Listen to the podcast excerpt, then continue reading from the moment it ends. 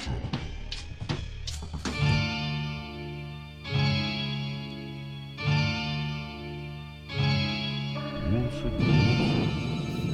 I do enjoy an evening with a little entertainment. Actually,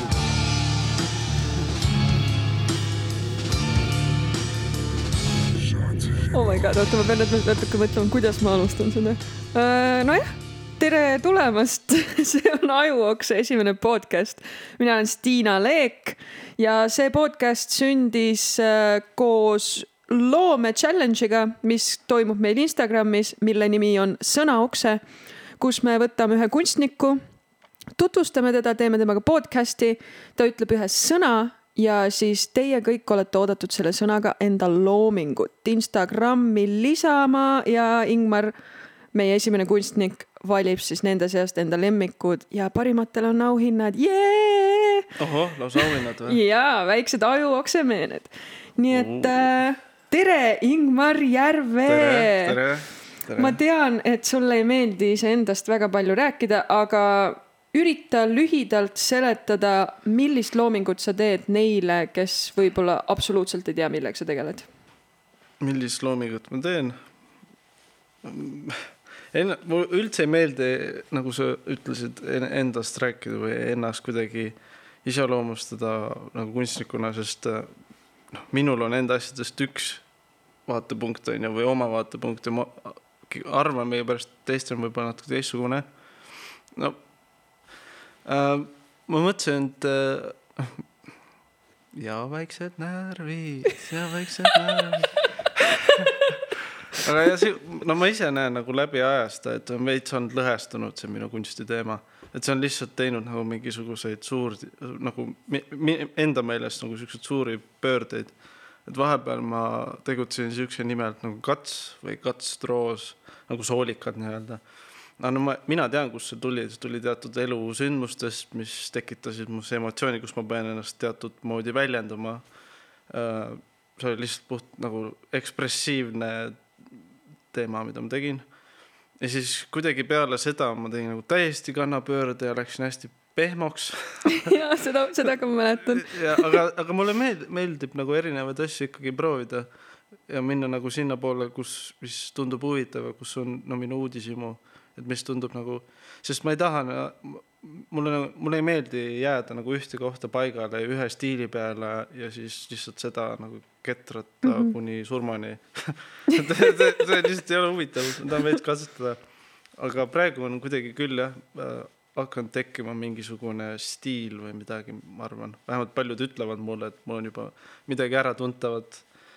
ei, minu arust on sul alati olnud äratuntav stiil või isegi jah, stiilid, sest sa oled üsna mitmekülgne enda väljendusviisides, pluss ka meediumites mm. -hmm. aga jah, nagu mu sõbranna just üks päev käis mul siin stuudios külas ja siis küsis, miks Ingmari tööd nii kivised on? kivised, aa, kivimehed jah, kivipead. see on hea küsimus. tegelikult ausalt, see on, see on nagu kahe otsaga asi. ühtepidi mulle meeldib joonistada niimoodi, et ma konstrueerin nagu sihukestest hästi primitiivsetest vormidest ja lähen nagu keerukamaks või niimoodi. et kui ma joostan kellegi nägu või portreed on, siis ma alustan ringist, tõmban mingi kolmnurga alla nagu mm -hmm. oleks lõuaosa ja siis teen need klassikalised, need, kus silmad, suu, ninajooned on ja alustan nagu seda klassikalist meetodit. aga siis mingi, siis ma hakkan nagu plokkidest niimoodi kokku ehitama ja siis joonistan uue kihi sinna peale siis nagu detailsem või midagi aga mingi hetk ma lihtsalt mõtlesin, ah ma jätangi nagu plokkideks selle mm. -hmm. et ma siis ei lähegi nagu kaugemale siit, sest noh, see on lihtne lihtsalt mm, -hmm. lihtsam, aga see selles lihtsuses peitub nagu huvitav noh, selle seal annab nagu lahedalt kompadega mängida või noh, et ja seal on nagu natuke võib-olla see sisuline pool ka, mida ma lihtsalt juurde kind of mõelnud, et noh, et siuksed külmad kiviinimesed, sest terve ühiskond on lihtsalt kalke kiviseid inimesi täis minu arust mm. -hmm. et äh, võib-olla ma natuke mõtlen nende peale ka, kui ma joonistan neid asju mm. -hmm. mu enda tööga, töödega on ka nii olnud, et, et ma tihtipeale teen midagi enne, kui ma seda mõtestama hakkan mm, -hmm. et see point lõpuks tuleb sealt ise nagu tuleb välja Jah. või või sellepärast mulle meeldibki mõelda, et, et kunst on ikkagi nagu teraapia vorm, et sa mõtestad iseennast lahti läbi enda loomingu tegelikult. see on väga, vägagi nii, minu jaoks on väga palju see nii, et pea, põhimõtteliselt, ma ütleks, et põhimõtteliselt kõik tööd, mis ma teen, on tegelikult, kui ma joonistan seda, siis seal käib ikkagi nagu sisemine sihuke analüüs, mingi struktuur, mingisugune võib-olla mingi depressiivse periood mingitel põhjustel, mingi pingelisem periood, siis ma elan neid pingeid teatud moodi läbi, läbi seal, läbi selle kunsti ja siis kui pilt on valmis, siis ma nagu võib-olla võib minna isegi mingi nädal, võib-olla isegi kuu mööda, kuni ma noh, tagantjärgi vaadates saan võib-olla paremini aru, miks ma üldse joonistasin mm -hmm. seda, et vaadates, mis mul elus toimus tol ajal, vahest ma saan kohe aru, et et mida ma joonistan, et miks ma seda teen. Aga ma üldiselt ma, mul nagu jälle nagu mulle ei meeldi endast rääkida, siis ma tihtipeale ei pane seda tekstilist osa sinna juurde või miks ma sellise pildi joonistasin, isegi mingi random, täiesti vaatad peale, ah sihuke lihtsalt mingi karakter teeb whatever asja, siis seal tegelikult mingid, mingid mõttemustrid mul seal ikkagi taga on. aga ma lihtsalt arvan, et see ei ole võib-olla alati nii tähtis, et kõik teaksid täpselt, mida ma mõtlen, et, et noh, vaata, kui ma seda Roa seina ka joonistasin mm, -hmm. äh, siis seal oli see Alari Teede, ma ei mäleta, mis ta nimi oli, see, kes videot filmis. jah, ma ei mäleta, mis ta nimi on. midagi siukest, Alar Teede vist, igatahes siis ta ka siis nagu intervjuu, intervjuu, intervjueeris mind ja siis ma nagu üldse ei tahtnud rääkida sellest, mida ma nagu mõtlen, kui ma seda pilti teen. seepärast, et see ei ole oluline, kui ma teen tänava peale nagu hästi suurt teost mm -hmm.. noh, võib-olla on natuke oluline mõne inimese jaoks või huvitav teada, et ma nagu paar vihjet võib-olla andsin, onju. Aga mind ennast huvitab, kui ma teen nagu tänava peal töö, siis ma annan ära selle töö, see ei ole minu oma enam, tänava ja inimeste oma, kes seda näevad. ja mind nagu huvitab, et huvitav, mis mõtted nagu seal neil tekivad, see mm -hmm. nagu näeb põnevam. jah, see, et kuidas teised inimesed sinu tööd tõlgendama hakkavad. kuigi jah, selle poole, sellest poolest ma saan ka aru jah, et inimesi huvitab see taga, Muidugi. tagapoint. Aga ma arvan, et teiste inimeste puhul sama asi. jah, jah, aga jah, see peab ikkagi jah, nagu tulema loomulikult selles õiges hetkes ja mõned asjad peavadki jääma täitsa iseendale, ma arvan ka. et see on alati osa protsessist, noh. aga, aga üldiselt, kui sa mõtled, siis äh, mis on äh, või noh, sa juba rääkisid, et nagu mingitel rasketel perioodidel sa väljendad enda emotsioone töödes, aga mis sind veel looma ajendab või, või teis, teised vormid ka, et see muidugi joonistamine pole ju ainuke asi, mis sa teed. jah, eks animatsiooni ikka ajan natukene, tegelikult graafik-disaini olen ka ikka pikemat aega juba teinud. aga joonistamine on kõige vanem nagu kunstivärk minu jaoks. mis mind ajendab, see on, ma ei tea, ma, see on lihtsalt nii sisse juurutatud mulle vist juba väga väiksest peale. see on nagu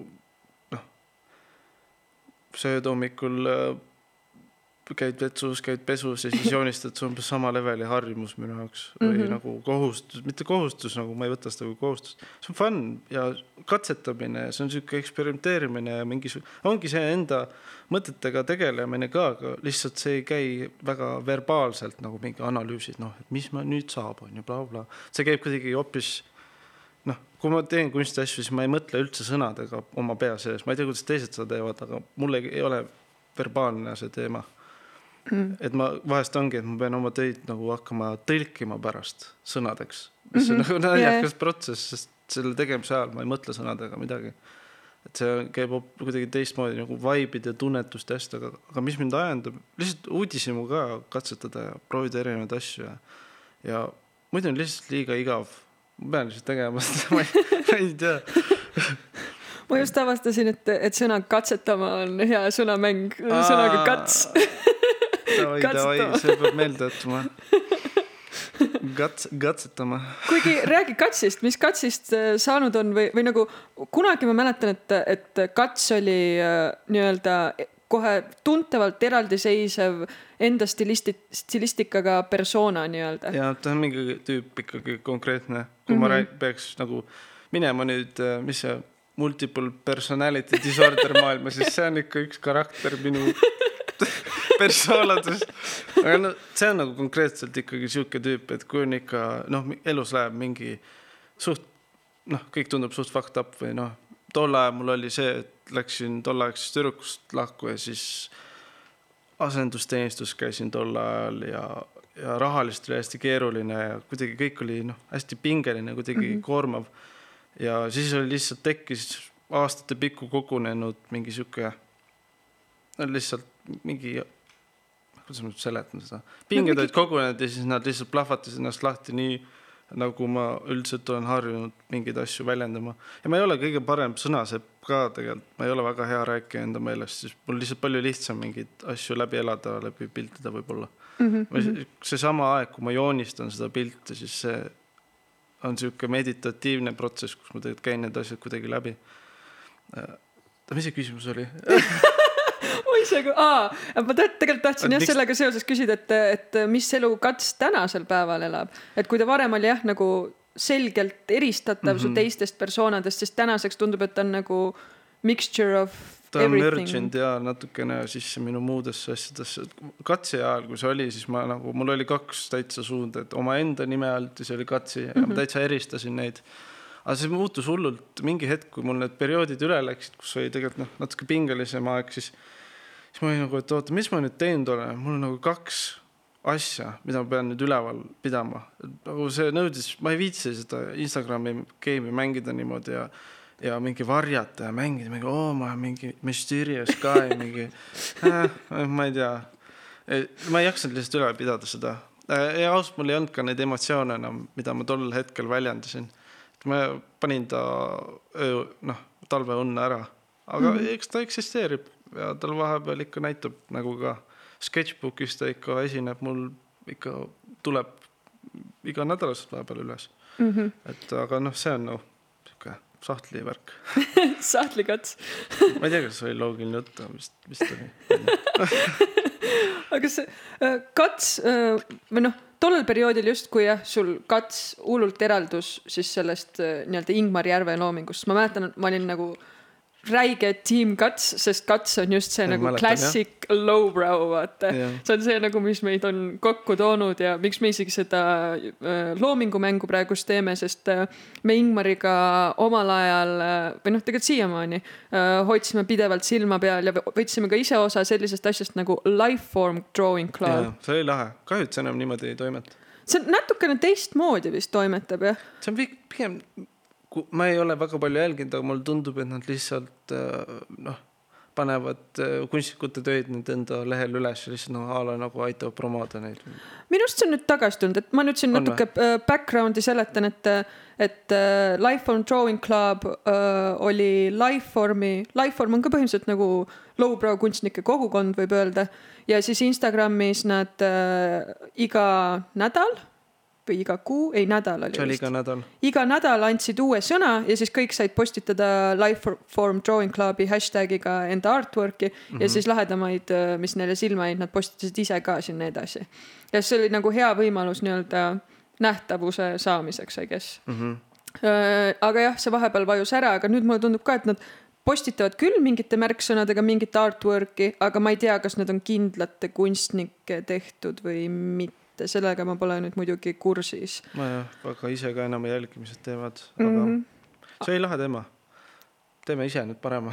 jah, jah, sellepärast jah, tahtsimegi ajuoksaga ka midagi siukest teha, sest äh, lahe oleks näha, mis üldse kõik sealt välja tuleb. mul ikkagi endal on hingel see Eesti lowbrow kogukonna kokkuajamine või leidmine, vahepeal mm. -hmm. tuleb kuskilt maa alt tuleb mõni noor kunstnik, kes teeb täpselt nagu sihuke Max Lowbrow värki. Mm -hmm. Just täpselt see Rat Fingilik siukene toores horror, jess. soolikad ja veri. aga jah, nagu raske on neid leida üldse, nad Mm. kõik on nagu kuidagi hästi omaette. et loodetavasti äh, see väike loomingumäng toob ka neid inimesi meie silme ette. selles suhtes jah, selle peale ma praegu väga täpselt ei mõelnudki ennem, et aga see on, võib tõesti olla nagu hea viis, kuidas need äh, kaasata need väiksemad, võib-olla rohkem peidus tegelased. mul on tunne, et, et hästi suur probleem sellega või noh, miks me neid inimesi ei leia hästi, ongi puhtalt sellepärast, kuna enamus kunstnikke või illustraatoreid, just nagu mingeid noori, kes teevad võib-olla just sihukest lowbrow asja, ei pea ennast tegelikult kunstnikeks. et Mm. nad mõtlevad, et see, et nad tuudeldavad enda sketšbook'e ei ole mingi asi, mida nad peaks kunagi üldse postitama või näitama kellelegi mm. -hmm. Aga jah, tahaks näidatagi, et see, see kogukond on tegelikult olemas ja see fänn-club mm on juba ees ei jah, mul, ma, ma veits arvan, et see lihtsalt Instagram ja kõik see möll, see sotsme-, sotsmeedia möll, et see on tegelikult nii infomahukas ka juba. et tegelikult sealt kedagi uut leida nõuab ikkagi pingutust äh, kui ei oleks ajuoksak, kes jagab neid asju, onju. Mhm.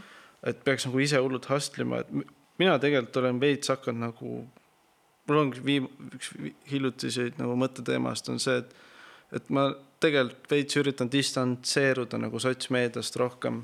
puht sellepärast, et lihtsalt enda vaimsel tervisel natukene nagu puhkust anda sellest. no see on, teeb, see ei ole mingi uus teema ilmselt, noh mm -hmm. kõik teavad, mida sotsmeedia võib teha aga noh, ma lihtsalt olen nagu vaadanud seda, et kui palju aega ma sinna panen, mida ma võiks, mida ma võiks muud moodi ära kasutada või, või noh, tegelikult nagu kui, kui astuks enda kehast välja, vaataks kõrvalt, siis sul on lihtsalt mingi plaat käes ja sa ei liiguta ennast, ainult näpp liigub, siis sa lihtsalt scroll'id kolm tundi nagu päeva peale ära. on mingi what the fuck, mis asi see on? nagu. See, see, see nagu, ma ei tea. Aga see, teistpidi on jälle see, et tahaks nagu printida, mul on plaanis varsti prindid välja anda, ma ei ole seda teinud kunagi. Ja siis selleks jälle oleks sotsmeedias nagu oluline ennast nagu pidevalt natukene õrnalt pildis hoida, onju. sest ma ei ole nüüd pikalt tegelikult väga midagi postitanud jälle. ja ma kujutan ette, et need algoritmid mängivad varsti minu vastu ma ausalt öeldes algoritmid nagu what the fuck are you nagu, mis asi see on, kuidas see töötab, ma, ma olen sellega, ma olen juba ammu alla andnud nagu,. On... kui ma postitan midagi, siis ma arvestan sellega, et võib-olla ma pean tegema seda mingi seitse tuhat korda, kui see on mingi info, mis ma tõesti tahan, et inimestele kohale jõuaks. Et ma isegi, ma isegi ei viitsi enam nende algoritmidega võidelda mm, -hmm. ma teen kõike enda rütmis ja, ja., ja vaatan lihtsalt, mis juhtub. ja päeva lõpuks ikkagi need inimesed, kes tõesti tahavad tähele panna, panevad tähele mm -hmm. ja, ja Tõsi nii lihtsalt on. ja, ja muidu ka selle äh, sotsmeedia ja prindinduse koha pealt kui sul peaks minema vaja abi, siis me saame aja, ajuoksega ka nagu mingit promo, nagu ma saan enda peale no, võtma, et, et. ma seda juba noh vaikselt tiimime ma eeldasin, ma eeldasin, et hakkate promoma, okei okay,, okei okay,, see on siuke egoistlik jutt, aga. ei no ikka, ikka jah, seda ikka oleks, oleks abiks nagu.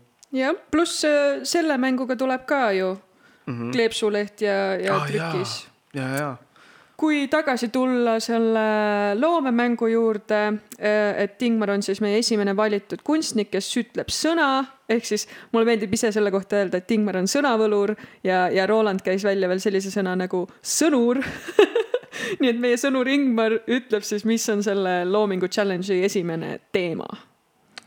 mõtlesin, otsustasin, et valin sõna lõhestunud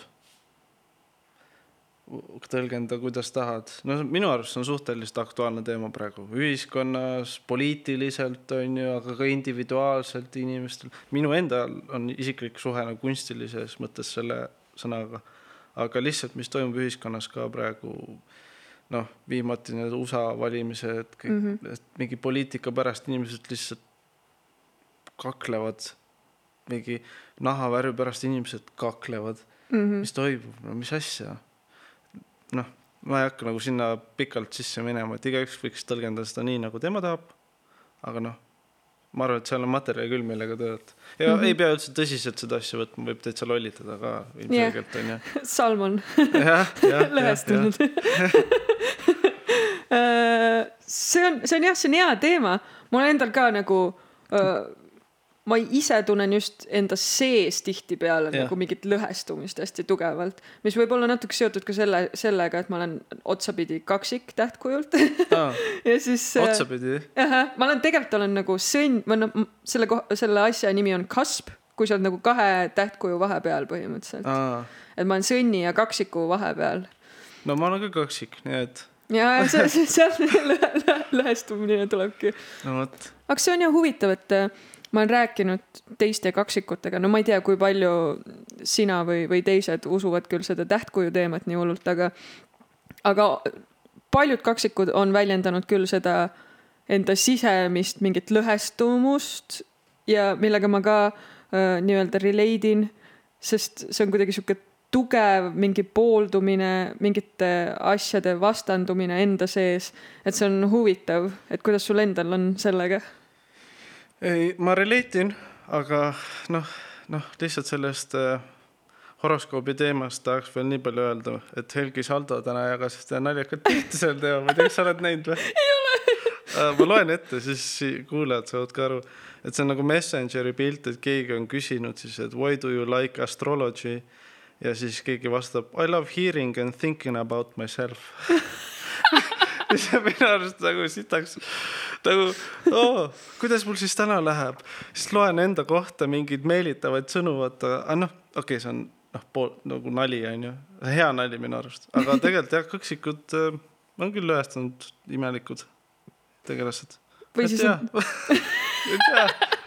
või siis on teine tea. või siis on teine võimalus, et kõik inimesed on lõhestunud salaja sees, aga lihtsalt me, kaksikud leidnud tahavad lihtsalt ise fucking claim ida seda tiitlit, me oleme need lõhestunud tüübid me oleme need damaged people okay.. aga ise sa siis astroloogiat kui sellist uh, you call bullshit või? Uh, ma nagu väga ei viitsi lugeda seda teemat, mulle meeldib nagu ajalooliselt, mis rolle see ühiskonnas ja inimeste jaoks on mänginud ja nagu mütoloogiliselt ja, ja geograafiliselt, noh, ma, ma ei hakka parem minema sellesse mm -hmm. ja, fucking teemasse. siin on suur kahetunnine jutt veel peidus siin taga, ma ei hakka sinna minema praegu. ma arvan, et sa võid eraldi podcast'i teha kohe selle teema, teema hakkan jaoks. vetsust lindistama hommikuti üksi. tead meteoriidid kümme tuhat aastat tagasi okay. kui ke- praegust äh, inimesed, kes kuulavad seda, ei saa mitte kottigi aru, siis see on lihtsalt ärge tahke, ärge, ärge, ärge tahke teada ka nagu seda Ingmari üks suur uh, huviobjekt ja hovi, hobi aastaid vist juba. jah, mina isegi ei oska seda kuidagi kokku võtta. jätame selle võtmata parem. jätame selle täna siia las paika. ta olla. aga astroloogia või noh, üldse nagu mingid horoskoobid ja asjad, et nagu see on jah, et põhimõtteliselt sa saad ükskõik mida lugeda ja mingis mõttes relate ida sellega, kui sa tahad. aga sellepärast mulle tundubki, et nagu on see päris, ei ole see päris, ma ei tea, kuidas see töötab, vahet ei ole. aga see on jällegi üks lihtsalt võimalus iseennast analüüsida või nagu see sunnib sind analüüsimas, võib-olla aitab aru saada, mis sa oled, sest kurat, inimene olla on täiega keeruline. jaa, see on imelik asi. see on nagu, mida vanem, ai, sorry. räägi. mõtlesin, ma toon selle reptiloidi asja mängu. okei, las olla.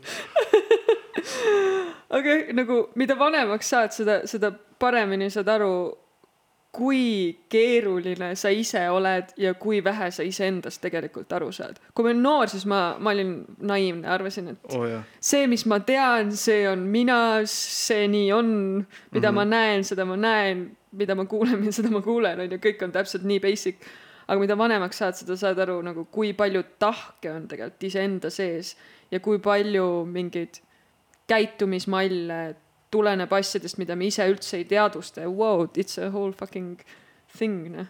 jaa, ma olen ise ka veits mõelnud no, ühe siukse aspekti peale inimesest olemise puhul on, mida ma see aasta tegelikult, mul oli see aasta ikka väga hektiline aasta, see viimane aasta mm. -hmm. Et ei ole vist kunagi juhtunud ühe aasta jooksul nii palju nii suuri asju korraga, igast häid ja halbu igatpidi. aga siis ma nagu noh, veits ikka põletasin läbi ennast natukene ja noh, olen nagu veits paremini saanud aru, et tegelikult see inim-, inimese vaimne tervis või noh, see depressiooni piirid, kus see tuleb ja läheb ja lihtsalt kui palju sa suudad taluda, et inimese vaimne tervis on ikka tegelikult suht habras asi. väga habras. nagu palju haprem, kui ma arvasin. Et see on tegelikult ikkagi väga tähtis asi, et see, see, seal tulebki mängu see, et et noh, et miks ma sotsmeedias praegu natuke rohkem nagu vähem tähendab tegutsen.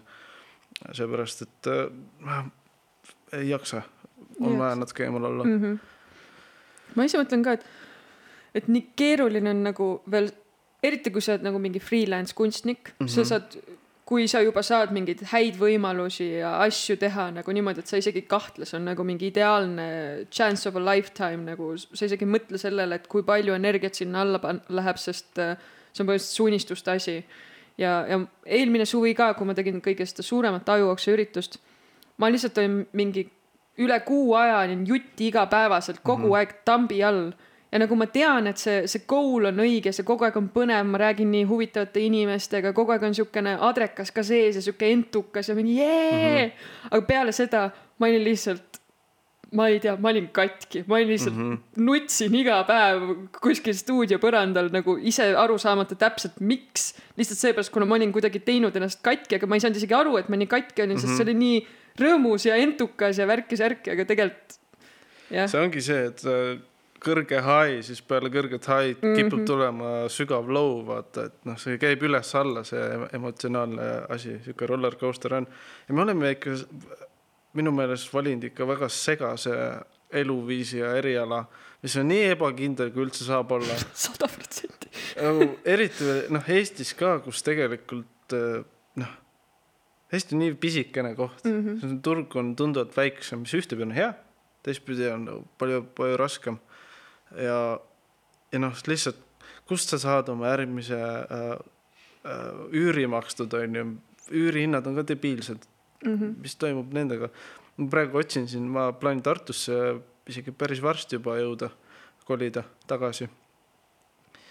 ja vaatan neid kortereid ja mõtlen, pekki küll, see on ikka riski business, noh, freelancer'ina tuled, ei tea, kust kahe kuu pärast raha tuleb ja palju siis üldse on raha kahe kuu pärast.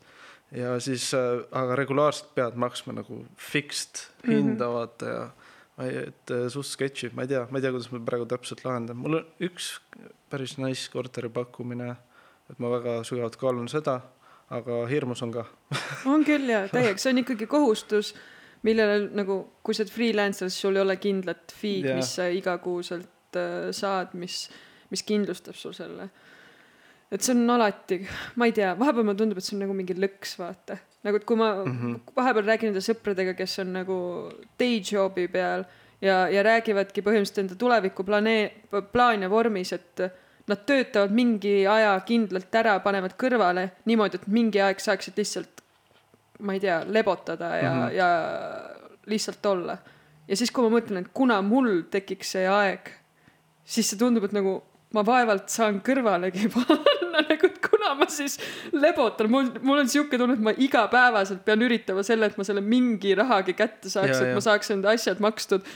ja siis mõtlen nagu kurat, äkki see, äkki see ei olnud kõige parem valik sinu elus, aga samas see emotsionaalne, emotsionaalne pool, mis sa saad tagasi sellest, see, ma arvan, et ma ei ole terves elus tundnud nii suurt rõõmu kui läbi selle, mis ma olen saanud selle võimalustega, mis ma olen äh, freelancer'ina saanud. jah, jah äh,, ja äh, nõus sellega, selles suhtes ma ise tulin ka töölt ära äh, selle mõttega, et ma noh, ma töötasin reklaamiagentuuris, suht häbi on tunnistada tegelikult, aga ma töötasin reklaamiagentuuris kaks aastat Tallinnas ja ma tulin ära sealt seepärast, et esiteks see koormus oli ränk, see ko kevadine koroonaaeg, igast asju juhtus ja ma, mulle ei meeldinud tegelikult selle töö nagu natuur, et, et mida sa toodad ikkagi päevast päeva, et, et sa paned oma elust ja ajast nii palju kaduma mingi asja peale, mis noh, sa toodad lihtsalt mingeid asju, et vaata mind, vaata mind linnaruumis, vaata mind, on ju, ja osta seda et kõik jääb alati kandub, kandub või taandub mingisuguse siukse rahalise eesmärgi peale ja siukene veits manipulatiivne asi, et kuidas me saame kasutada värvi ja kompositsiooni ja teemegi asju ilusaks, et mm -hmm. siis see meeldib rohkem, jätab hea tunde, positiivne blablabla bla, bla, mingi positiivne emotsioon on mäluvõti, kõik need asjad, vaata mm. -hmm. siis kui sul tekib emotsioon millegiga, siis see jääb sulle meelde ja kui sa tekitad mingit noh ühesõnaga blablabla, mul oli nii kõrini, kasut-, mängida siukseid mänge, jõuga nagu suruda enda mingisuguseid või mingi kliendi sõnumeid jõuga sinu nagu teadvussfääri onju mm -hmm.. kõnni linna peal ringi, sa ei saa valida, kas sa näed seda või mitte yeah. linnaruumis onju. ja siis ma ei tahtnud nagu enam panustada sellesse, ma ei nautinud seda, ma olin väsinud kogu aeg.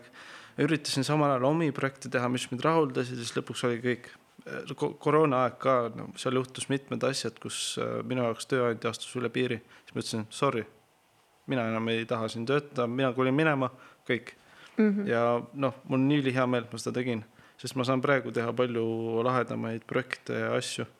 et kuigi noh, rahaline osa on nagu murekoht, aga ma saan tegelikult jumala okeilt hakkama praegu äh,, siis äh, ma olen ikkagi palju rohkem rahul äh, ja ma noh, ma näen nagu enda tulevikku palju paremas valguses praegu, kui ma seda nägin siis, kui ma seal mm. -hmm. agentuuris töötasin. mulle tundub, et äh, või noh, mis minu jaoks on nagu luues või ajuokset tehes on nagu hästi tähtis, on just siiras olemine mm. -hmm. ja see on asi, mida sa reklaamiagentuuris Jah. ei saa mitte kunagi olla, Mm -mm, sest mm mm -hmm. see tõenäosus, et sinu juurde tuleb õige klient õige soovi, õige plaaniga, mis täpselt on sinu, läheb sinu põhimõtete ja stilistika ja mis iganes mm Mhm. -hmm. asjadega kokku, see on põhimõtteliselt, see seda ei juhtu. väga harv jah. kui sa just ei ole, ei ehita enda asja üles niimoodi, et sa teedki asju väga spetsiifilise stiiliga ainult Mm -hmm. ja sa ei teegi midagi muud kui ainult seda stiili. ja siis inimesed tulevad sinu juurde, nagu kunstnikute juurde tullakse täpselt selle sti- stiili pärast. mm -hmm. see on ka variant, aga noh, see reklaam, ei mm, Mhm. -hmm. ei ole vaja. keegi teine tahab seda tööd raudselt räigelt teha. Täpselt. tehke siis nagu mina ei taha. Mm -hmm. ja ma olen selles suhtes nõus, pead, sa pead seal ikka suhteliselt kameeleon olema ja mul tekkiski tegelikult veidi sihuke natukene, kuidas ma nüüd ütlen, lõhestunud. lõhestunud jah, täpselt, lõhestunud või noh, ma ei tea, ma ei saanud aru, mis mu stiil on. Ma enam ei teadnud nagu mida, mida, mida, mis mulle siis meeldib teha täpselt. üks päev ma animeerin töö juures, teine päev ma teen illustratsiooni, kolmas päev ma teen mingi kuradi Delfi reklaami, mingi nelikümmend formaati onju. kogu aeg nagu oled kameeleon ja ühtepidi on lahe, sa saad erinevaid asju läbi katsetada ja nagu stiile ja nagu kõik on värske selles suhtes, et, et sa ei tee ühte ja sama asju kogu aeg. aga teistpidi lähed koju ja mõtled siis, aga kes sa siis ise oled või mida, mida sa nagu ise tahad teha ja siis on väga raske nagu aru saada. et ma kujutan ette, et noh, mingid inimesed, kes, kelle ambitsioon ei olegi väga nii-öelda kunstnik olla, aga kellel on kunstilised oskused äh,. Neile võib sobida see asi, tahavad kodus kodu pereelu elada või ma ei tea, reisile minna, lihtsalt nautida ja noh, kunstiga mitte nii palju tegeleda. siis neile sobib see töö, aga mitte mulle. jah, või siis see on lihtsalt mingi etapp öö, elus, kuna, kuna ma arvasin ka pikka aega arvasin, et minu unistuste töö on saada graafiliseks disaineriks mm. -hmm. ja lihtsalt tegelikult see oligi, ma arvan, sellel põhi, põhjusel, sest graafilise disainerina sulle käidakse briif ette ja mm -hmm. sa hakkad selle järgi tegema ja mulle lihtsalt tundus see õige ja isegi võib-olla mingis mõttes kerge, sest ma tollel hetkel ei teadnud veel, kes ma olen või mida ma tahaksin ise väljendada. ja siis oli nagu hea mugav, et aa, keegi ütleb sulle ette, mida sa pead tegema, vaata. ei, graafilises disaini puhul ma ei ole alla andnud uh,. mulle endiselt meeldib see ja ma arvan, et graphic disainis on ka olemas sihuke normsuund, näiteks albumi kõnekujundus mm. -hmm. see on fucking fun, see on lahe asi, mida teha. Ajal noh, näiteks või näiteks tänavu kunstifestivali ident on ju, see on ka mm -hmm. palju vabam asi, et see ei ole nii corporate et nendest corporate asjadest tahaks eemal hoida, sest seal kipuvad olema need brändi guideline'id, reeglid. tahaks rohkem jah muusikasse, sihukesesse maailma, kus saab mängida rohkem, seal mm -hmm. tegeleda selle graphic disainiga, aga jah. jah, ma, ma saan aru, mis sa mõtled küll jah. ja, ja taustaks äh, me mõlemad Ingmariga oleme lõpetanud Pallases meediadisaini osakonna. kursa, kursakaaslased olime. ja, Jah. ja et, et meil mõlemad saime nii-öelda sellesama, samad oskused olla graafiline disainer põhimõtteliselt, meil on need noh, skill set on olemas. ja, ja noh, mina olengi avastanud enda jaoks, et, et mulle ei meeldi tegelikult graafilist disaini teha, aga mingites hetkedes on lihtsalt ülimugav, et see skill set on mm -hmm, olemas mm. -hmm. et ma ei tunne ennast graafilise disainerina, aga mingis hetkes, kus on nagu vaba, vabalt saad nii-öelda seda graafilise disaini poolt väljendada, siis, siis see on nagu mega mõnus asi tegelikult, mida teha. ma ei tea, võib-olla ma olen enda jaoks kuidagi lihtsalt mingi kompleksi tekitanud, et selle graafilise disainiga ma olen nagu sihuke mingi, oo, ma ei ole disainer, tunne lihtsalt. aga jah, jah, ja ma ei oskagi tegelikult väga palju lisada siia, kui et ma, ma saan aru, ma olen täitsa nõus. ma mõistan. ma mõistan sind. et see on see No- koht, mida teie küll ei näe, aga siin me kallistame ja nutame üksteise õlale.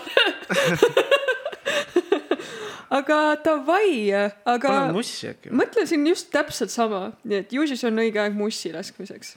räägi, mis sa lased meile. ma laseks esimene laul, mis ma laseks, oleks siukselt bändilt nagu DIC või TIC. see on mu isa vana bänd äh,, mis juba ammu enam ei tegutse. aga laulu nimi on äh, Take, punktid on vahel, tähtede vahel ja noh, nii, miks ma selle laulu paneks, on äh, noh, isa tegelikult ikkagi või siiamaani on mingisugune suur inspiratsiooniallikas mul kunsti jaoks ka olnud. et noorena oli mu isa oli tätoveerija, siis kui ma olin äkki mingi kuus, seitse, äh, kaheksa, ma täpselt ei mäleta, umbes selles vanuses, siis ma ikka istusin seal kõrval isal, kui ta omaenda ehitatud tattoo-masinaga tätoveeris mingisuguseid suuri onusid seal. Et see oli ikka noh, märk, noh, märkimisväärne mõjutaja. Ja samamoodi isa, mu elu esimene mälestus on selles, kuidas ma olin isa bändiproovis ja vaatasin, kuidas isa mängib trumme bändis ja siis ma mõtlesin, et ma paneks, paneks siis selle laulu. Davai, DJ spin that shit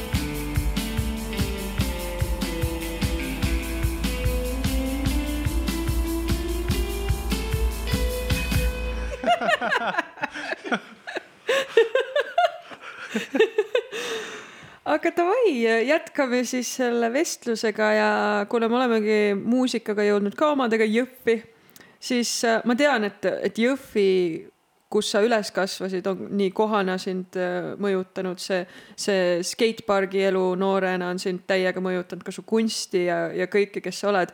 et äkki räägi sellest veidi. jah ähm,, Jõhvi oli, no ma olen selle teema nüüd mõelnud, kuna ma, kuna ma tulin töölt ära Tallinnast, siis ma otsustasin minna ajutiselt tagasi Jõhvi, et lihtsalt oma kulud alla saada, et ma saaks hakata, teen, tegin oma firma, et saaks selle palli veerema ja vormistaks kõik normaalselt ette, et minna nagu iseseisvalt edasi.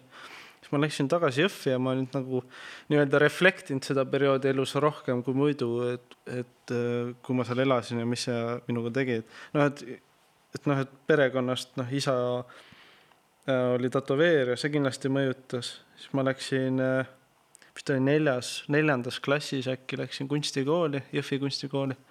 Jõhvi kunstikooli direktor oli siis minu parima sõbra isa ka, nii et sihuke suht lebo oli, tema tuli ka minu jaoks, oligi väike kamp, väikseid pählamaid ja läks kunstikooli või siis, kui ma seal kunstikoolis käisin, vaata see oli mõjus nagu siukse kohustusena, alguses oli lahe, aga siis see kestis neli aastat, aga siis vist lõpetasin kaheksas klass selle kunstikooli.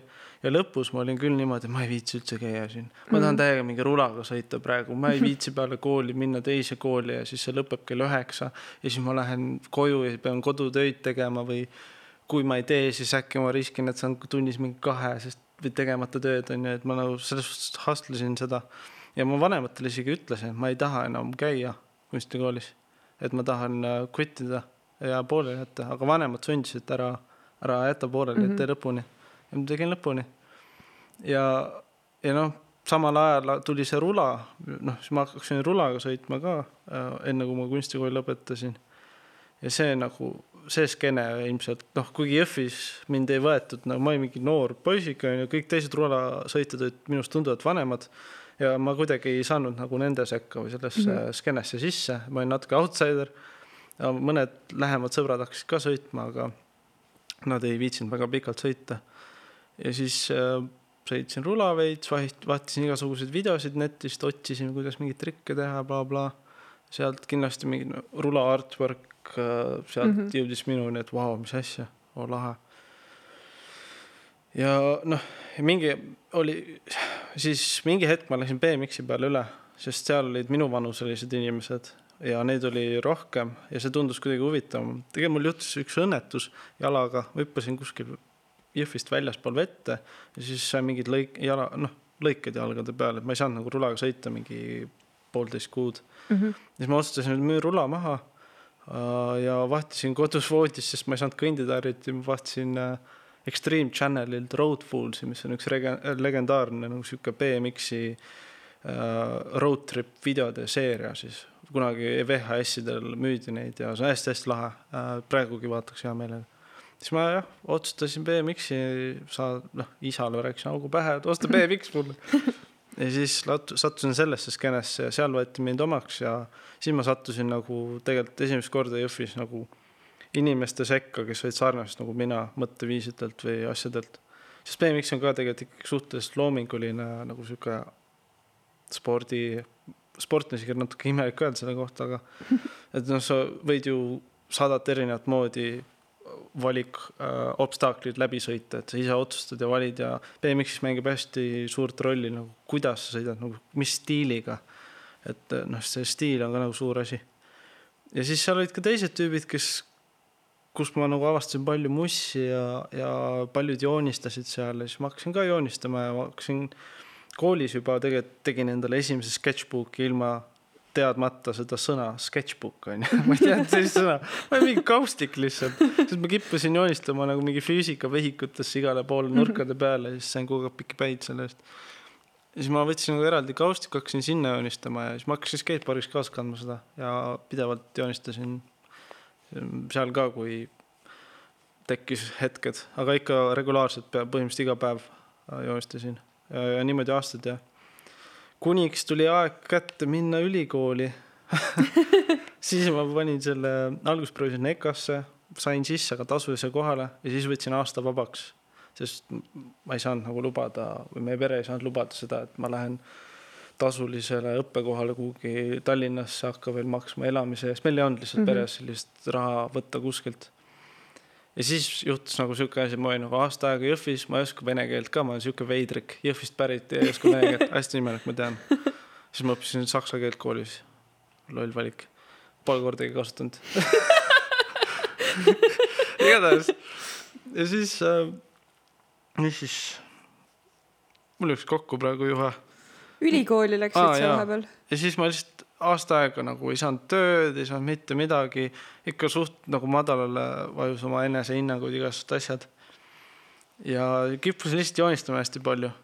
ja järgmine aasta kandideerisin, sain teada, et siin, kuna ma olin Jõhvi filmifestivali teinud ka kolm aastat ja olin seal nagu graafiline disainer alustasin nii, et ma ei teadnud, mis asi on DPI või mis asi see- termin graafiline disain, ma ei teadnud seda, ma teadsin mm -hmm. kujundus lihtsalt. Ja ma ei, netist ei vahtinud üldse mingisugust inspe või mitte midagi. ma lihtsalt oskasin Photoshopi, sellepärast ma käisin kunagi kunstikoolis ja me saime seal paar tundi Photoshopi õpetust. ja siis ma lihtsalt jäin sellega tegelema. siis äh, jah, kuidagi sattusin siin sellesse skeenes või noh, skeenes, hakkasin seda filmifestivalit tegema ja siis oli suht üks väheseid oskusi, mis mul oli. teine oskus oli mingi ehitustööd, ma olin isa ehitusfirmas, käisin suviti ka tööl neljateistaastasest saati ja siis oligi, ma tegelikult üheks kuuks läksin Soome elama selle mõttega, minust saab nüüd ehitaja. ja ma olingi mingi, läksin Soome ja isa pidi mulle töökoha seppima, aga see kukkus läbi. midagi juhtus, et ma ei saanud minna.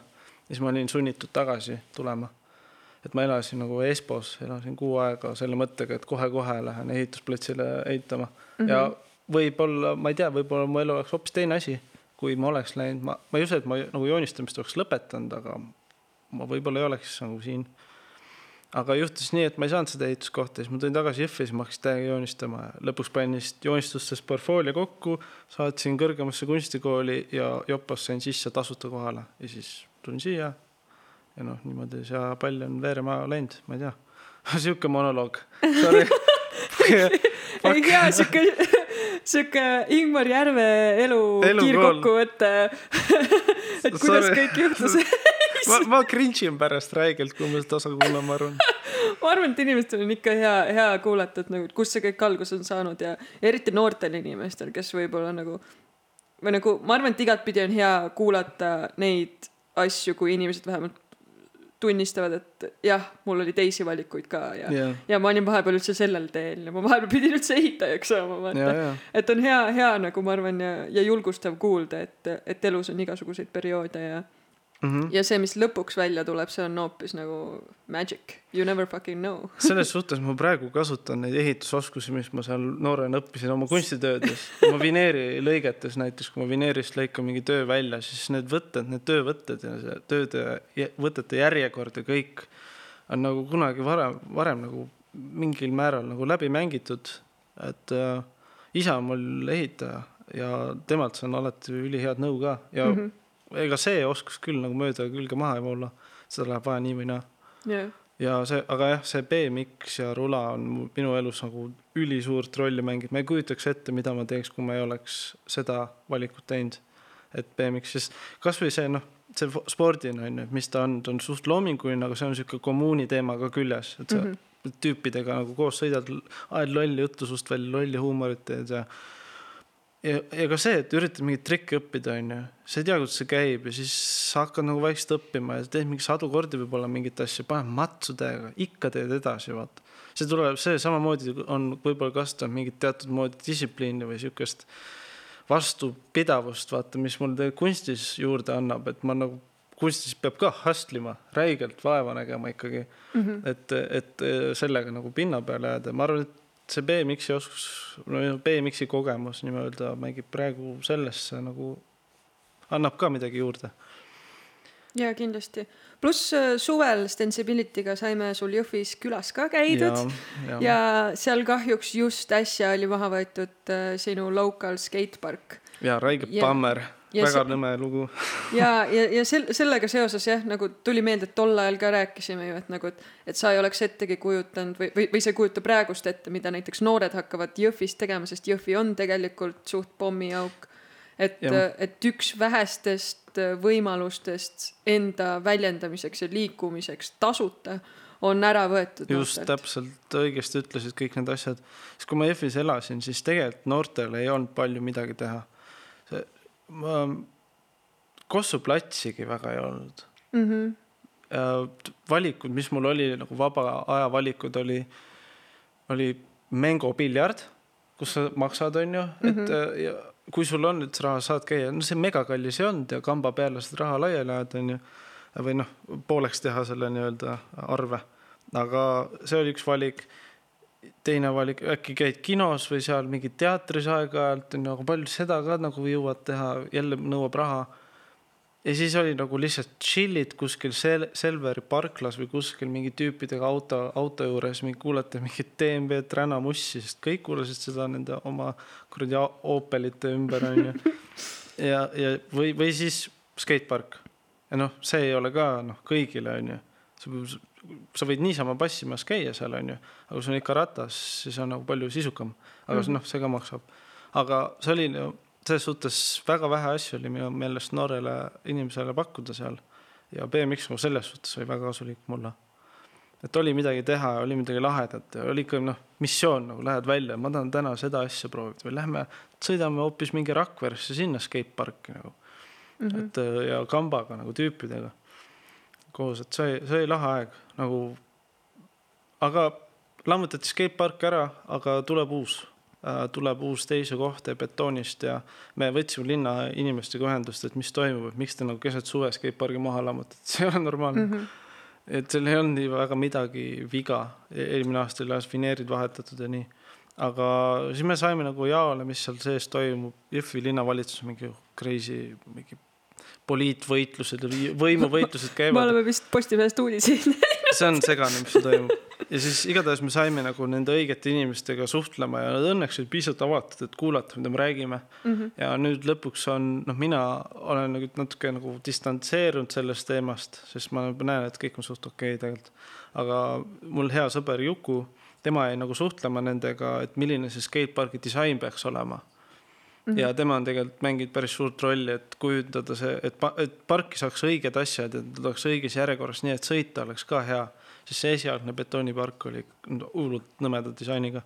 et nüüd, nüüd on ikka loota, et noortel ikka on jälle uuesti varsti naiskoht. aga see on, see on väga lahe, et te räägite nagu nende noorte eest, sest noh, sina oled küll praegust Jõhvis, aga Juku on ju ikka Tallinnas. Et nagu lahe, et ikkagi on see connection ja soov aidata enda kodulinna inimesi ja noori ja natukenegi üritada proovida edendada, et see juba minu arust näitab väga nagu suurelt, et kui palju see elu tegelikult seal teile kõikidele tähendas ja see community vibe. ja see, selles suhtes ma olen sõitnud BMX-i nüüd üle kaheteistkümne aasta, viimased aastad muidugi on olnud suht vähem, palju mm -hmm. vähem, kui ma nooremana sõitsin, kui ma Jõhvis elasin ikkagi, siis oli hommikust õhtuni suht igapäevane tegevus mm. -hmm. ja mitte ainult mulle, vaid hunnikule inimestele. mäletan, meil oli ükskord, BMX-i on niisugune asi, et sõid-, sõi-, inimesed sõidavad rongi, kõik sõidavad üksteise järgi ja teatud obstaakleid ja siis noh, noh hunnik inimesi no, sõidavad rongis nii-öelda ja siis äh, ükskord juhtus nii, et tulid Toila tüübid ja mingid tüübid isegi Narvast ja, ja inimesed, kes nagu nii palju ei sõida. Ja siis me tegime ühe suure-suure rongi skatepargis ja seal oli vist üle kahekümne viie BMX-eri Jõhvi linnas, pisikene fucking koht, inimestel on nii palju vähem raha kui mujal, aga kakskümmend viis BMX-erit oli suutnud üliväiksesse parki nagu kokku tulla, mis oli täielik festar nagu, see oli segane, mis toimus nagu pärast õhtul ka, ma ei hakka rääkima sellest, aga aga see oli, see oli lahe, see oli üldse hästi palju lahedaid mälestusi ja sõpru ja igast kogemusi oli, tuli läbi BMX-i. väga, väga lahe ja ma nii palju, kui ma kuulnud olen ka sult neid lugusid, see on nagu veits isegi kadestusväärne, sest ma olen nagu ka kogu aeg olnud sellest rulakultuurist ja asjast nagu huvitatud, aga pigem pealtvaatajana mm, -hmm. ma mäletan, et mu õde käis kunagi ühe inlineriga mm. siis kui inline veel oli päriselt olemas, praegust vist inline ei ole nagu mingi asigi enam. ma ei tea, ma tean ühte tüüpi Eestis, kes sõidab praegu. Aga see oligi see, et, et olid need esimesed Simple Sessionid Tartus jah, ja siis noh, tänu sellele, et kuna mu suurema õe äh, Peika osales seal, siis nagu sattusin sinna kuidagi ja siis ma olin nagu mingi, ma mäletan, ma olin mingi kümme võib-olla, siis ma olin nagu mm -hmm. mida vittu, nii lahe, mis see kõik on. ja siis hakkasid nagu need mingid Tony Hawk Pro Skate'i mängud Oh, yeah. tulema. ma olen vahepeal mõelnud ka, et, et kus mul see, noh, mulle endale meeldivad räigelt silmamunad on ju, kõik teavad, et Stiinale meeldivad silmamunad. siis ma ükskord üritasin analüüsida või Activision logo mõelda või?. ja, ja, et äkki see on sealt, sest, sest iga kord nagu, kui sa paned selle käima, siis sul tuleb see mingi rõõmus tunne, nähes seda laadimas, vaata et äkki sellepärast iga, noh, kuna praegust on, ma näen silmamuna, ma mingi fuck yeah. fuck, ma tahaks nüüd Tony Hawk'i mängida täiega. aa, tahaks jah. täielik hull isu peale praegu. ja pluss seal ka need teki disainid, vaata. see on lege, mul oli üks suur unistus kun- kunst, kunstnikuna, nüüd ma julgen öelda, varem mul oli probleem sellega natuke, nüüd ma julgen öelda, et ma ikka olen vist kunstnik. siis, siis äh, üks suur unistus on ikka nagu legit nagu skatepark, skatepark, Board. jaa, rulalauda kujundada ja teha nagu mingi kasvõi seeria või midagi. ja nagu ikka tõsiselt nagu tahaks täiega teha siukest asja. aga see on täiesti tehtav, juba Eestis on mitu Jah. lauategijat. ma olen mõelnud, et võiks kuigi ma kujutan ette, ühendust, et aga, et mingi suurem goal on päriselt mõnele suurele firmale. Mis see su-, põhibränd on, mida te Timoga saatis video, kes see teeb neid? mis see oli, mul on keele peal. Santa Cruz, Santa Cruz Fuck. ja. see on lege, see artwork seal on lihtsalt ma ei lege. sõida rulaga, aga ma vaatan neid laulu ja laudu ja truulin lihtsalt, ma mingi fuck yeah. see, mis see, mis see tüüp oli seal videos, see Live, Live Rad Studio see ah,. Live Rad ja Jah. ja Live Rad ah, ja ta on siuke Rat Fingi inspireerunud sellest hästi kõva, ülikõva stuudio. üli sihuke OG lowbrow, no see Jaa. on, tüüp teeb peene pintsliga lihtsalt, mingi maalib kõik käsitsi, jumala kõva. see on epic ja no nii, mis me siis veel arutame siin? ju siis peame liikuma edasi teemaga, et äh, aga räägi siis sellest Jõhvi geto poolest. Jõhvi geto poolest, kas on Jõhvi siis nii geto, kui äh, võiks karta või arvata või on kõik No- ikkagi lihtsam või? mulle jäi mulje kunagi, et Jõhvist ikkagi arvatakse suht halvasti, et see on ikka re- rets geto ja seal oli ka getot mm, -hmm. for sure, aga see mulle ei tundunud nagu nii hull asi. samas tagantjärgi mõtlen, et seal ikka toimus päris fucked up asju. no kunagi üliammu, üheksakümnendate alguses on ju, oli seal ikka konkreetne maffia tegevus mm. -hmm. et need kohad isegi Jõhvis on nagu mulle kodu lähedal, kus olid nagu mingid maffiapesad nagu et mul on perekonnas isegi lugusid sellega seoses, aga ma ei hakka neid rääkima, see pole oluline. aga siis, kui mina üles kasvasin, siis no eest-, eestlased versus venelased ikkagi selline teema nagu eksisteeris küll mm. -hmm. et mul oli ikka ka nagu lapsena oli mingid konfliktid venelastega ümber, ümberringi ja ja sihukest teemat oli ka mingi kaklused ja kividega loopimised ja no selles suhtes oli lahe, lapsepõlv oli õues ja viskad kividega üksteist aga Best, best. ei no tegelikult seal on hästi palju naljakaid lugusid ka. üks Maksim oli, ja Maksimist ma olen kuulnud. kes su oli iglu ära lõhkus. tüüp, me, me ehitasime kunagi iglu Jõhvis, minu aeda, sõpradega koos. kolme, nelja, viiekesi, lihtsalt hommikust õhtuni tegime, jumala lahe iglu oli. Ausalt noh, see oli, see oli ja sai kuidagi jäetus nii hästi ära ka, et sa said sinna katusele ronida, taga ma tõin siuksed nagu augud seina sisse, et sa saad nagu jalad sisse panna, üles ronida ja sa võisid hüpata selle katuse peale, sa ei kukkunud kokku ja, ja ka sees sa said püsti seista. mm. See -hmm. nagu no okei nii okay,, kuigi te olite mingid seitsmeaastased, see oli nojah, jah, seda küll ma mäletan, see oli mega suur. igatahes ja siis ükskord tulen koolist, see oli mul äkki mingi neli päeva see igluaias või midagi siukest. ja siis kõndisin äh, koolist koju ja vaatan, iglu on purus, kokku kukkunud. ja siis lähen lähemale, vaatan, mida fuck'i, kõik on telliskive täis.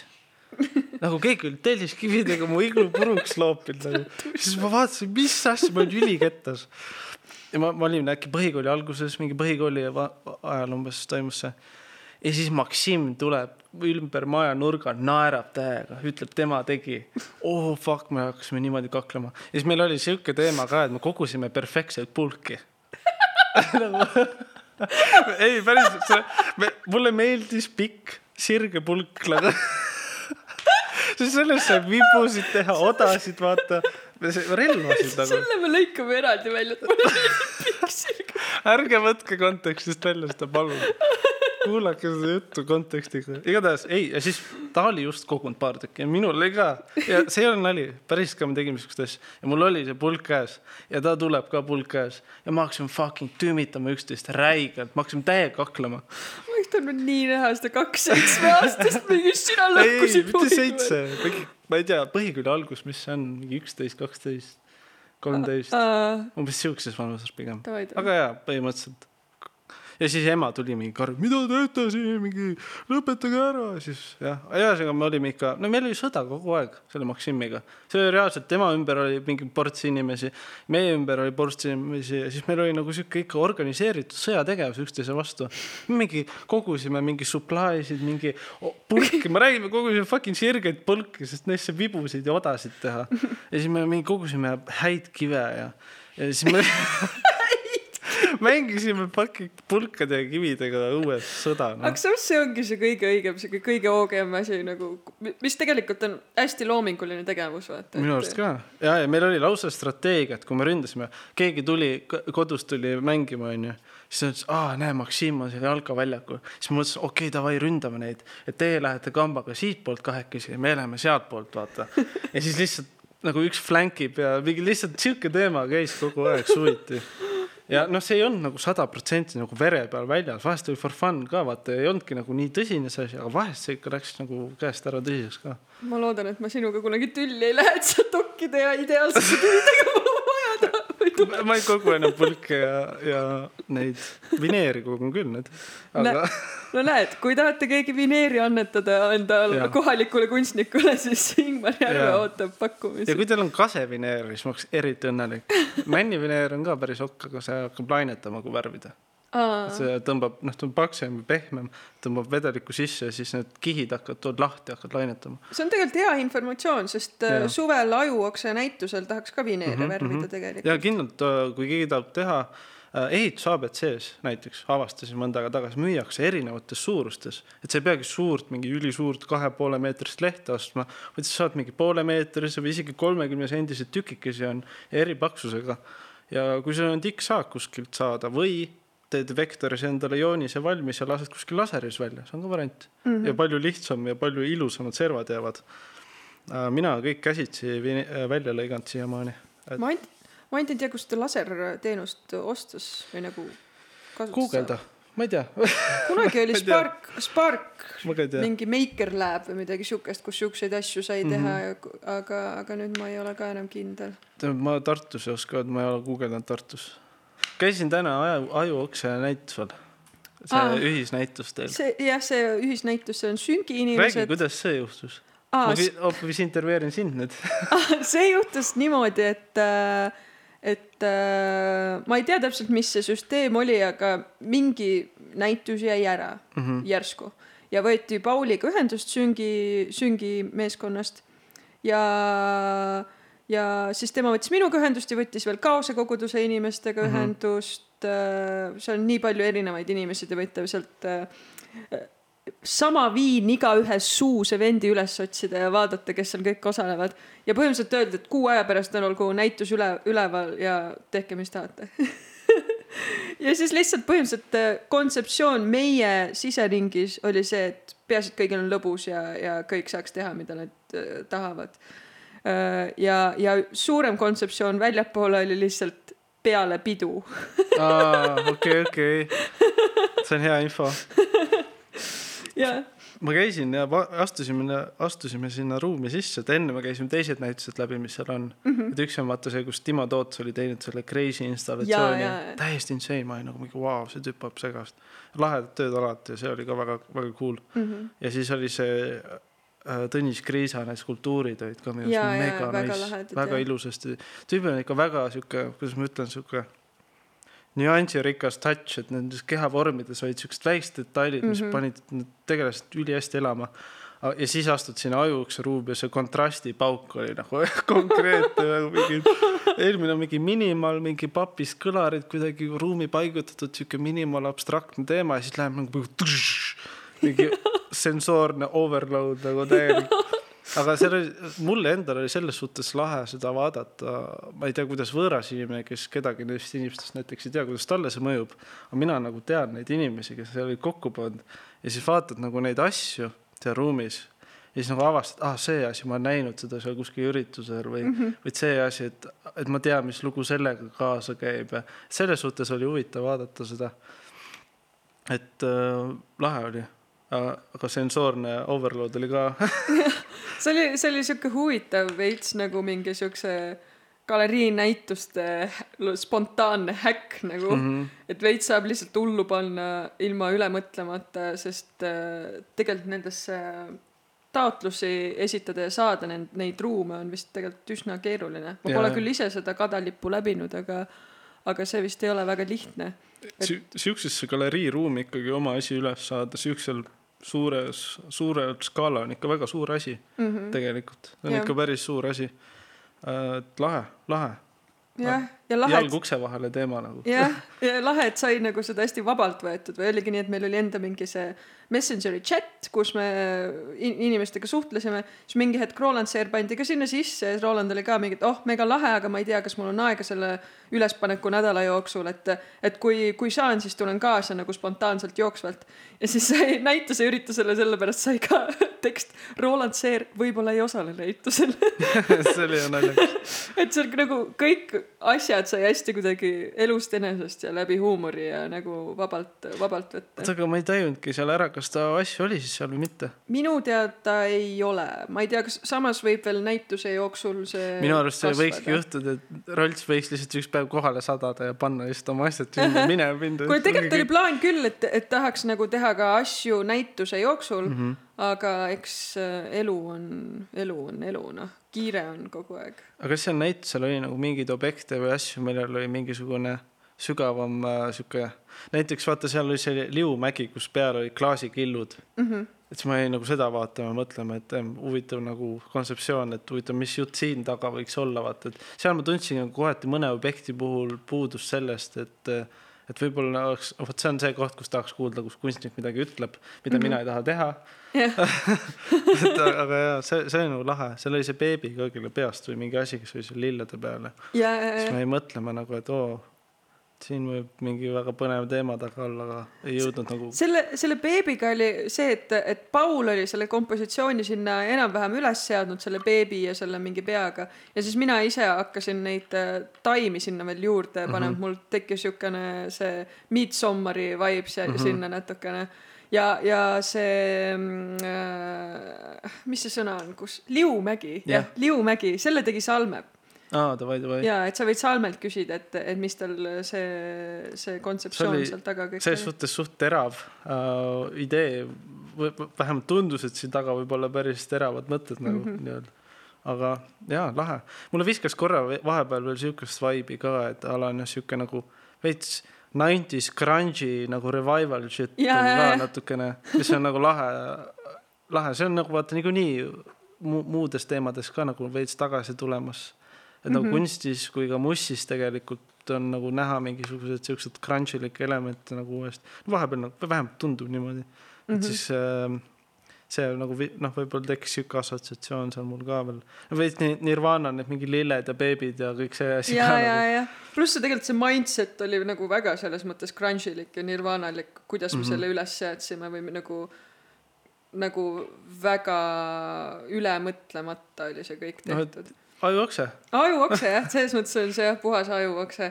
ja, ja mul endal ka, kui me neid asju üles seadsime ja selle graffi ära tegime Seljoga ja, ja värk-särk mm, -hmm. see oli täiega siukene nagu see, ma ei tea, kas sa tead seda sarja, kunagi oli ETV peal The Tribe, kus oli ka nagu mingi sihuke kahe tuhandete algus või mingi üheksakümnendate vibe'iga siukene steampunk stiilis veits, kuidas kõik öö, täiskasvanud inimesed on maailmast ära surnud ja siis ainult mingid tiinekad valitsevad maailmas What? nagu. Nad on Ei, mingid, tea. ma ei tea, kaubanduskeskused üle võtnud ja siis on mingid on mi- mingid pahad tüübid ja mingid on nagu mingid head tüübid ja veits siukene nagu äh, ma ei tea, ma arvan, loopisin kividega õues samal ajal. ma ei, ma ei tea. otsisid enda ideaalset dokki jah. aga jah, selles mõttes, et äh, kui nüüd siin natukene promo teha tulevastele näitustele, siis äh, Timo ja Marii näitus mm -hmm. Mhm. on tulemas märtsi alguses meil Kivis äh,. kuna piirangud on ja värgid, siis tõenäoliselt see tuleb päevase üritusena mm Mhm. -hmm. nagu chill'ina. praegust mul on räägitud äh, Roland Seeriga, et äkki saaks džämmi ülakorrusel veits. Sanel Come peaks on, muidugi peab olema jam, kui Timo näitus on. jaa, Timo toob ise pilli kohale, ma ise natuke salaja loodan, et äkki ma noh, tulen ka kohale, siis äkki teeks väikse red face'i seal mõttes spontaanselt, aga väike spontaanne red face oleks ju mega ja veel Sanel Aaka, Kokto ja, Jaa, ja jaa. Jumi Motoma, tema tuleb ka, see on Nice. Timo ise veel äh, ütles, et tema tahaks, et Jumi tuleks majja, noh. kõva. Nii et äh, töötab tulema üks mõnus, mõnus häng või üritus. ma arvan, et me si- selle kohal ei, ei seagi panuseks äh, teha mingit mega suurt bängerürit- või noh, see on võimatu, me ei saagi teha mm. -hmm. suurt üritust, sest äh, piirangud. aga et võiks olla vähemalt endal võiks olla mingi mõnus loominguline vaba õhtu, kus lihtsalt olla ja chill ida. kõlab hästi. ja, ja pluss, kui bootleg poiss teeb äkki. teeb väikse revival'i üheks hetkeks. meil on jah, see äh, kunagi tegutses, kui ma Tallinnas elasin, siis me, Timo kutsus mind mängima trumme äh,. Bootleg Boys tuli sihuke nimi lõpuks sellele kombole. alguses meil mängis äh,, oli bassist, aga see vahetus siis Saneli vastu, kes tuli, mängis äh, äh, ta on sünti, tahtsin öelda klaver, aga siis sünti mängis ja hullult lahe oli, aga kuna ma otsustasin äh, töölt ära tulla ja kõik persse saata ja Jõhvi kolida, siis ähm, kahjuks äh, me noh, ei suutnud nagu üle distantsi enam väga hästi seda bändi asja ajada. ja noh, otsustasime ta pausile panna. ma nüüd vedasin ka Tallinnast kõik oma trummid ja asjad äh, enda stuudioruumi ja mul on ka selline mikker üleval, ma mängin igapäevaselt seal, harjutan omaette mm., et ikka proovin seal elus hoida seda. et isa oli ka trummar, kunagi lasin seda äh, Tiki bändi, siis kuidagi vist see jäi külge sellest. proovin ka siin mingit, ma olen hullult halb trummar tegelikult, ma olen mingi üliprimitiivne, ma väga täpselt ei tea, mis ma teen, aga midagi tuleb. midagi tuleb ja ma, ma loodan, et äkki õnnestub meil nii, et kui ma mingi hetk saan nagu lindistamise süsteemid korda endal stutsis, siis saab äkki kuidagi paar laudu, laulu äkki veel teha, bootleg'iga vähemalt paar laudu mm. -hmm. äh, nagu üle siis, et saadan trummi track'i ja et äh, kuidagi jaa, jaa. äkki kuidagi õnnestub nii, kuidagi koos on ikka ülilahe, mulle ikka väga meeldis nagu, see oli täiesti uus asi minu jaoks, noh, ma ei ole kellegagi kunagi nagu mussi koos mänginud mm. -hmm. ja siis äh, Timo kutsus trumme proovima ja see esimene proovikas sünd-, esimesel, esimene proovikas, mis mul oli, siis sündiski nagu täiesti spontaanselt nagu kogemata see Red Face'i laul ka. Et äh, see oli niimoodi, et esi, suht üks esimesi nagu drum pattern'e, mis ma proovisin, üliprimitiivne, jala kikkes iga, iga löök nagu oli ja nagu see jalaga, jalg polnud absoluutselt iseseisev ja kätega oli ka suht primitiivne kõik, aga kuidagi toimis, nagu lahe oli mängida.